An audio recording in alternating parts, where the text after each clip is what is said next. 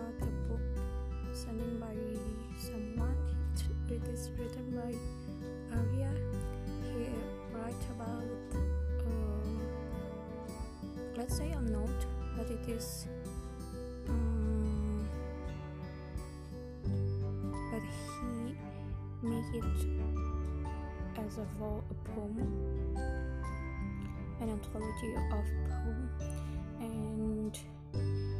the title is about